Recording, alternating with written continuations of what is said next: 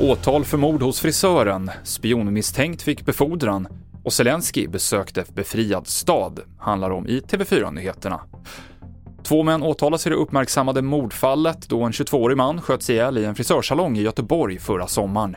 En 19-åring misstänks vara en av de som sköt mannen och en 20-åring misstänks för medhjälp genom att ha spanat på offret. Kriminaltekniker lyckades hitta DNA-rester från 19-åringen på en förkolnad luvtröja som eldades upp efter dådet.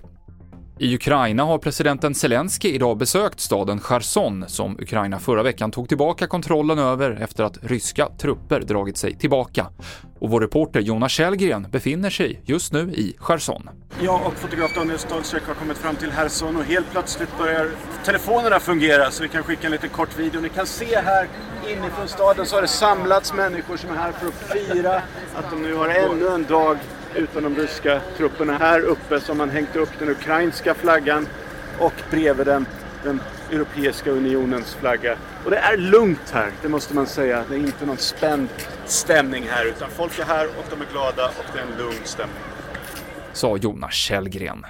Livsmedelsverkets generaldirektör Annika Solström får intern kritik för att hon under flera år vetat om att en av hennes anställda var spionmisstänkt men ändå gett honom en befordran.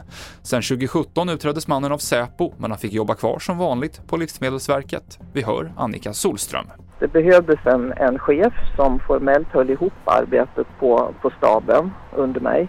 Allt skulle då vara som vanligt på Livsmedelsverket och eh, det naturliga var att, eh, att det var han som utsågs till, till det. Men jag kan verkligen också förstå att, att anställda på Livsmedelsverket har upplevt det här som en en väldigt obehaglig och jobbig situation. Det har jag full förståelse för.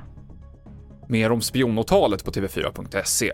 Och det allt mildare vädret kan få konsekvenser för djurlivet. I delar av Skåne är det fortfarande meteorologisk sommar och det gör att igelkottarna inte går i ide som de ska och de riskerar därmed att tära på sina reserver och svälta ihjäl, rapporterar flera medier. Igelkotten går normalt i dvala när temperaturen är under 10 grader, vilket brukar ske i oktober, men vid varmare väder håller den sig vaken. TV4-nyheterna med Mikael Klintevall.